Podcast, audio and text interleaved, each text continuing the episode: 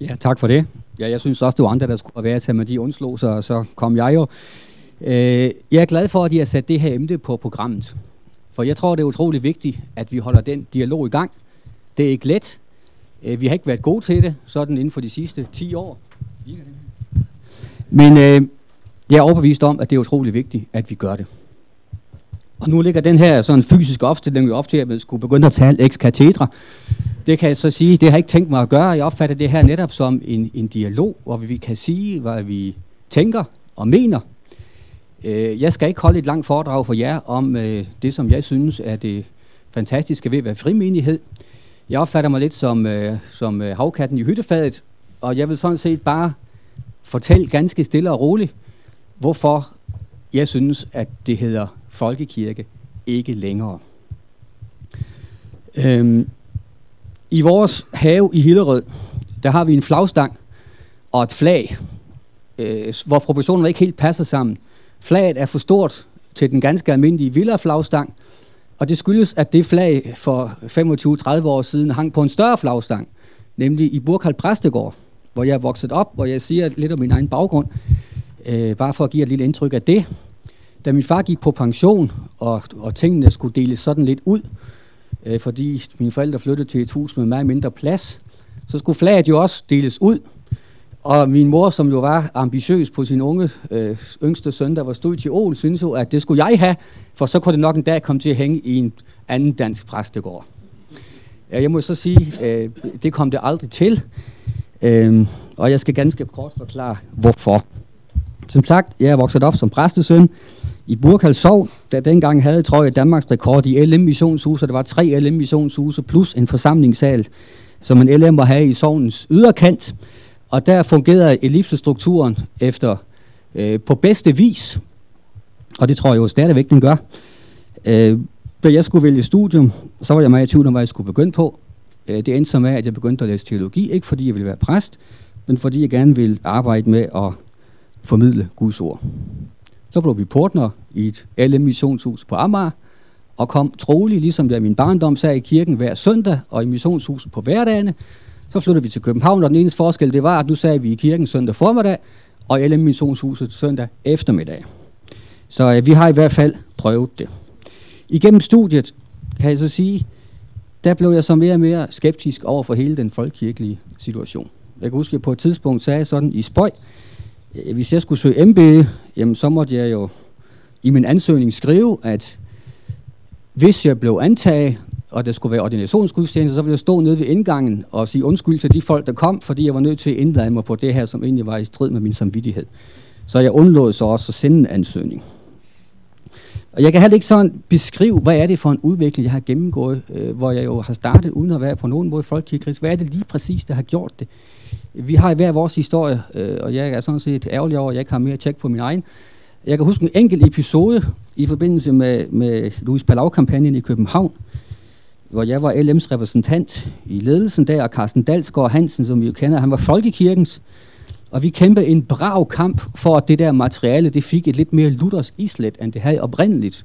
Jeg kan huske, vi skrev for eksempel et nyt kapitel om de to naturer til den bog, der skulle udgives til de nye kristne, fordi det skulle altså være ordentligt det her. Og så på et tidspunkt var det en af de der frikirkepræster, der sagde, jeg fatter simpelthen ikke, hvorfor I er så kritiske over for det, vi står for. Vi kan da bede sammen. Hvordan kan I være i folkekirken med al dens rummelighed? Der er der masser af præster, I ikke engang kan bede sammen med. Øh, det var slet ikke det, der gjorde udslaget. Men det var bare sådan en lille en, hvor man tænker, ja, det er der egentlig også lidt ejendomligt. Øh, det er godt nok at have en bekendelse, øh, men hvis den ligger i skrivebordskuffen og ikke betyder så fantastisk meget for en hel del, øh, ja, hvad har vi så ud af den? Øh, først i 98, der meldte vi os så ud af Folkekirken og var med til at stifte en frimenighed i Hillerød. Og jeg husker stadig øh, samtalen med den lokale sovnepræst, altså vores egen præst, øh, som var en tidligere meget aktiv LM'er, som jeg kendte godt, og som jo fortalte om hans omvendelse fra det missionske, og hvor befriende det var, at han nu ikke længere var missionsk, og derfor kunne anse sine medmennesker for ikke længere at være fortabte. Så var det jo til at holde ud og være menneske og præst. Jeg nævner bare det her lidt personligt for at sige, at for os var det at forlade folkekirken og, og være med i en frimenighedsstiftelse, det var en lang proces, som gik frem og tilbage, og på et tidspunkt var vi også meget tæt på at kaste alle vores aktier i Dyenevoldsens øh, folkekirke i Hillerød, hvor vi kom på det tidspunkt. Sådan endte det så ikke. Og hvorfor gjorde det så ikke det? Det vil jeg gerne give tre grunde på, og den første grund, det er den væsentligste, øh, og det er for mig at se det helt principielle. Det er det, jeg vil kalde for manglen på bibelsk integritet. Og det er ikke fordi, jeg kom, tror, jeg kommer til at sige så meget nyt her. Jeg tror, tingene de er meget velkendte for jer. Jeg nævner en række ting. En ordinationshandling, for eksempel, hvor den store procession af præster jo uundgåeligt må opfattes som et fællesskab i tro. Og dermed i dansk folkekirke sammenhæng næsten også uundgåeligt må opfatte det, jeg vil betegne som vranglærer, personer, der er i åbenlys modstrid med Nytestamentets lære. Det kræver altså en argumentation på højeste teologiske abstraktionsniveau, men det er vi også verdensmester i, og forklare almindelige mennesker, at vi sådan en organisationsgudstjeneste og håndslag og forbøn og velsignelse, der udtrykkes der ikke noget som helst. Den reelle dåbspligt og den dåbspraksis, som jo finder sted, og som er den folkekirkelige, og som jeg må sige efter bedste evne anser for at ligge meget langt øh, fra Nytestamentets lære og praksis. Paul Madsen har sagt det sådan en gang, dåben, som jo oprindeligt var det, der skulle skille menigheden fra verden, det er nu blevet det middel, der forener dem. Og hør bare Norman Svendsen, der glæder sig til prinsedåben på lørdag, for det vil revolutionere øh, danskernes syn på dåben, og løber der en 4-5 år, så vil vi få stigende dåbsprocenter. Kirketugten, som mig bekendt ikke er i brug i folkekirken, og som næppe heller nogen dansk biskop vil acceptere, bliver taget i brug, og som Preben Espersen jo i øvrigt anser for at være i principiel modstrid med dansk kirkeret. Det mangelfulde tilsyn for biskopperne, senest illustreret med Gråsbøl-sagen. Jeg betvivler sådan set overhovedet ikke øh, Liselotte Rebels gode hensigter og intentioner. Men resultatet efter et deprimerende parløb af kirkeministeren og kollegaerne i Roskilde, det er jo altså velkendt. Ordningen med kvinden i præster, der nu har eksisteret i godt et halvt århundrede, var den konsekvens, at folkekirken i dag er på vej til at blive en kvindekirke. Min egen, årgang 79, på det teologiske fakultet, det var den første i København, hvor der var flere mænd, øh, undskyld, flere kvinder end mænd, der begyndte at læse teologi. Og så hele den seneste debat omkring hvilelse af homofile. Man kan selvfølgelig diskutere, om vi har et ritual i folkekirken øh, for hvilelse af homofile. Vi har ikke et autoriseret ritual. Men man kan jo ikke nægte, at disse hvilelse og kirkelige handlinger, de finder sted med biskoppelig velsignelse. Og alt dette, det er så det, øh, som jeg mener, og så kommer jo hele spørgsmålet om, hvad er det for en forkyndelse, der lyder, som jeg slet ikke har forholdt mig til. Alt det her, det finder sted, og det accepteres af biskopperne. Om den sag, hvor lutherske fædre sagde i, traktat, i traktaten om pavens magt og overhøjhed, som dog ikke er en del af bekendelsen, det ved jeg, men af concordiabogen dog, Paulus påbyder, at alle biskopper, som enten selv lærer ugudelige lærdomme eller forsvarer uret lærer og falsk gudstjenesteskik, skal anses for at stå under forbandelse. Det er et meget, meget stærkt ord, men det udtrykker for mig at se sådan set alvoren i situationen. Den manglende bibelske integritet på en række principielle områder. Det er det, der er årsagen til, at mit valg har været, at jeg ikke kunne fortsætte i folkekirken. Det næste, jeg vil nævne, det er, at jeg også synes, vi ser øh, Guds folk i skred. Den åndelige udvikling, øh, den går rigtig stærkt. Og jeg tror ikke på, at det kan lade sig gøre i længden at leve med en ubibelsk lærer eller praksis, uden det får konsekvenser. Så kan man diskutere, hvad det vil sige at leve med, og det kan vi have forskellige meninger om. Men for mig at se, er det et faktum, at vi flytter grænserne hele tiden. Og det er vi nødt til at forholde os lidt mere konkret til, end vi har gjort. Da jeg befandt mig i kaffestuerne, ja, det var så i kaffestuen på DBI, der sagde nogle af vores ledere jo dengang, at den dag, der kommer kvindelige biskopper, så må vi forlade folkekirken. Det er mig beset kun sket for nogle ganske få. Nu vil jeg gerne citere øh, en anden kirkelig leder, så kan I høre, om vi kan... Nu vil jeg spørge, om I, det her er meget kvalificeret selskab, og nogen kan gætte, hvem der har sagt det og hvornår. Der er dem, der spørger, hvor længe kan vi være i folkekirken? Det er ikke muligt at svare udtømmende på det spørgsmål, men kort kan vi svare, så længe folkekirken kan være sand kirke efter Guds ord. Det vil sige, at dens bekendelsesgrundlag, ritualer og gudstjenesteordning må være i orden. Nogle bud? En mand, som man ikke kan beskylde for at være fantastisk folkekirkekritisk, K. Lindhardt Jensen i 1990 i den her bog, som vi er udgivet af forlaget Kolon, og måske ovenkøber der et inspiration for temaet folkekirke, hvorfor og hvor længe. Han siger altså, så længe folkekirken kan være sand kirke efter Guds ord, det vil sige, dens bekendelsesgrundlag, ritualer og gudstjenesteordning må være i orden. Så spørger jeg mig selv, er ritualerne i orden? Jeg vil nogen sige, vi har endnu ikke i hvert fald et ritual for hvilelse af homofile. Men når vi får det på et eller andet tidspunkt, sker der så noget? Det er det ene spørgsmål. Det andet spørgsmål er, selvom vi ikke har det officielle ritual, så praktiseres den slags kirkelige handlinger altså i dag, og med biskoppelig velsignelse. Der sker noget hele tiden. Og det er meget, meget vanskeligt for os, som lever i tiden, ikke at skride med. Vi tror, som Flemming Bots har været inde på det, på en hellig almindelig kirke. Jeg ved godt, at folkekirken er en institution, og kirken består af personer, men jeg må alligevel sige, at folkekirken i dag er altså mere almindelig, end den er hellig. Og påvirkningen, og det er sådan set mit point, påvirkningen, den går jo ikke kun fra os og til folkekirken.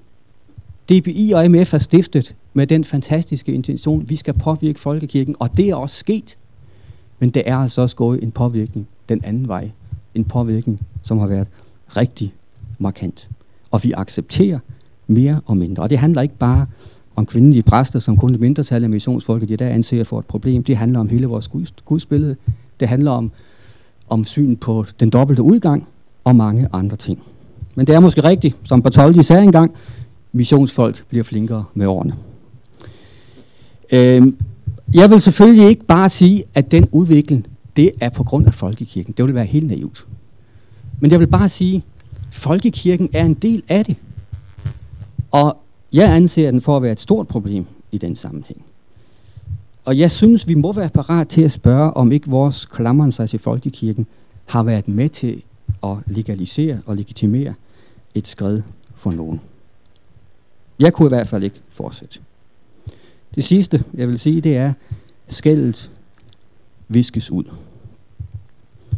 Det er kirkens opgave og se muligheder og missionere. Men hertil hører altså også at fastholde den bibelske alvor. Og fastholde læren om den dobbelte udgang. Skældet mellem Gud og verden. Og det er der mange af jer, der er jeres lokale sovnemenigheder, kæmper en ihærdig kamp for, og det respekterer jeg dybt. Men folkekirken som institution, mener jeg ikke, der kan have nogen tvivl om, har været med til at nedbryde det skæld og den bibelske integritet. Det er klart, der er masser af missionsmuligheder i folkekirken. Og det er dejligt, at de bliver udnyttet. Og der er masser af positive enkelte eksempler på, at det lykkes. Men det store billede for mig, det er altså, at ingen anden institution har som folkekirken samlet set været med til at forføre det danske folk ind i en sorgløs kristendomsforståelse, som jeg ikke kan betegne som andet end et selvbedrag. En folkereligiøsitet, som betyder, at folk i dag opfatter sig som kristne, og det er kun Gud, der skal fælde den dom naturligvis. I øvrigt vil jeg så også lige sige, jeg har lidt svært ved at se, hvorfor vi skulle anse vores nordeuropæiske folkekirkemodel som noget helt specifikt. Det kan jeg spørge dig om senere, Flemming. Øh, kirkens største vækkelsestider, det var jo faktisk i de tre første 100 år, hvor kirken var forfulgt og undertrykt og måtte leve under powerforhold. Jeg kan lige høre debatten, da Konstantin kom på banen. Sikkert mange muligheder vi får, når vi kan blive en folkekirke. Så bliver vi beskyttet af kejseren. Vi får taleret i paladset. Sikker en stor berøringsflade, vi kan få, men fører til det fremgang i kirken. Og lad mig så citere Lindhard Jensen endnu en gang. Det er dejligt at have fået nye allierede i debatten. Her fra bogen kan vi i det lange løb undgå faren fra det falske demokratiske folkekirkesyn. Så længe folkekirkemedlemmer, menighedsrådsmedlemmer og folketing anerkender, at folkekirken er Guds kirke i og for det danske folk, og at den derfor er bundet til lydighed mod Guds ord, så kan folkekirkeordningen være en brugbar ordning. Men den dag folket ikke vil respektere det, men gør folkekirken til folkets kirke, der er det en kirkeforfalskning. Folkekirken fortsætter måske, men under Herrens dom. Se, jeres hus bliver overladt til jer selv. Den er blevet til satans synagoge. Det var et citat fra Lindhard Jensen. Det er 15 år gammel. Jeg synes, det er for uroligende aktuelt. Er det ikke lige, hvad vi ser i dag, også i den politiske debat omkring folkekirken? Det er folkets kirke. Det er flertal, der skal, skal, skal bestemme. Folkekirken skal da ikke domineres af nogle få fundamentalistiske missionsfolk, som ønsker, at kirken skal stå på skriftens grund. Ja, jeg tror, min tid er ved at være gået. Men jeg vil bare sige, at øh, jeg er opmærksom på, at vi selvfølgelig ser meget forskelligt på det her. Vi er også blevet bebrejdet stærkt, at vi tog det skridt, som vi tog. Øh, jeg vil dog sige, at jeg faktisk tror, at nogle af jer måske burde takke os for det. Sagen er jo, at den danske højrefløj, hvis man skal være lidt barsk, kan man sige om os, at lige siden 1948, der har vores øh, rolle i den kirkelige debat været at far op som løver og falde ned som lam. Nu er der da endelig taget nogle konsekvenser, og det tror jeg faktisk er blevet lagt mærke til nogle steder. Og det tror jeg faktisk også, at Isa bliver tilbage og tager kampen der, øh, i nogen måde øh, kan få glæde af. Jeg forventer som sagt ikke, at I tilslutter jer min analyse og mine synspunkter. Jeg takker, fordi I vil høre på mig, og nu har jeg i hvert fald givet jer mit svar på, hvorfor flaget for Burkhold Præstegård aldrig kom op på endnu en præstegårds flagstang. Og så vil jeg gerne øh, sige, at som jeg ser det, så står vi over for nogle store udfordringer. Den ene udfordring, det er, hvordan kan vi fastholde den bibelske sandhed og alvor i vores kirke og i vores forkyndelse. Den anden, det er, hvordan kan vi nå det danske folk med evangeliet? Og de to udfordringer, de må ikke være i kontrast med hinanden. Vi må håndtere dem begge to, og vi kan ikke sælge den ene udfordring på bekostning af den anden. Og det tredje, det er så, hvordan vi som del af teologisk grundsyn, og er enige om så mange ting, men altså ser meget forskelligt på folkekirken. Hvordan kan vi fastholde en konstruktiv samtale og dialog? Hvordan kan vi leve med hinanden og styrke hinanden, uden at vi tabuiserer debatten? For det er desværre det, som vi har gjort i langt på vej ind til nu. Øh, øh, og tilsvarende også, hvor vi giver hinanden lov til at, at fremføre det, som vi mener. Og så til allersidst, heldigvis, så er jo både folkekirken og valgmenigheden og frimenigheden ordninger, menneskelige ordninger, øh, som ikke er faldet ned fra himlen, selvom man næsten kunne få indtryk af det her lidt før. Øh, vores kirkeordninger forgår, men Guds kirke består. Og det er trods alt vores opmundring, og det er det, der er drivkraften og grundlaget for, at der også er grund til at være øh, optimist, selvom mit indlæg måske har været lidt pessimistisk.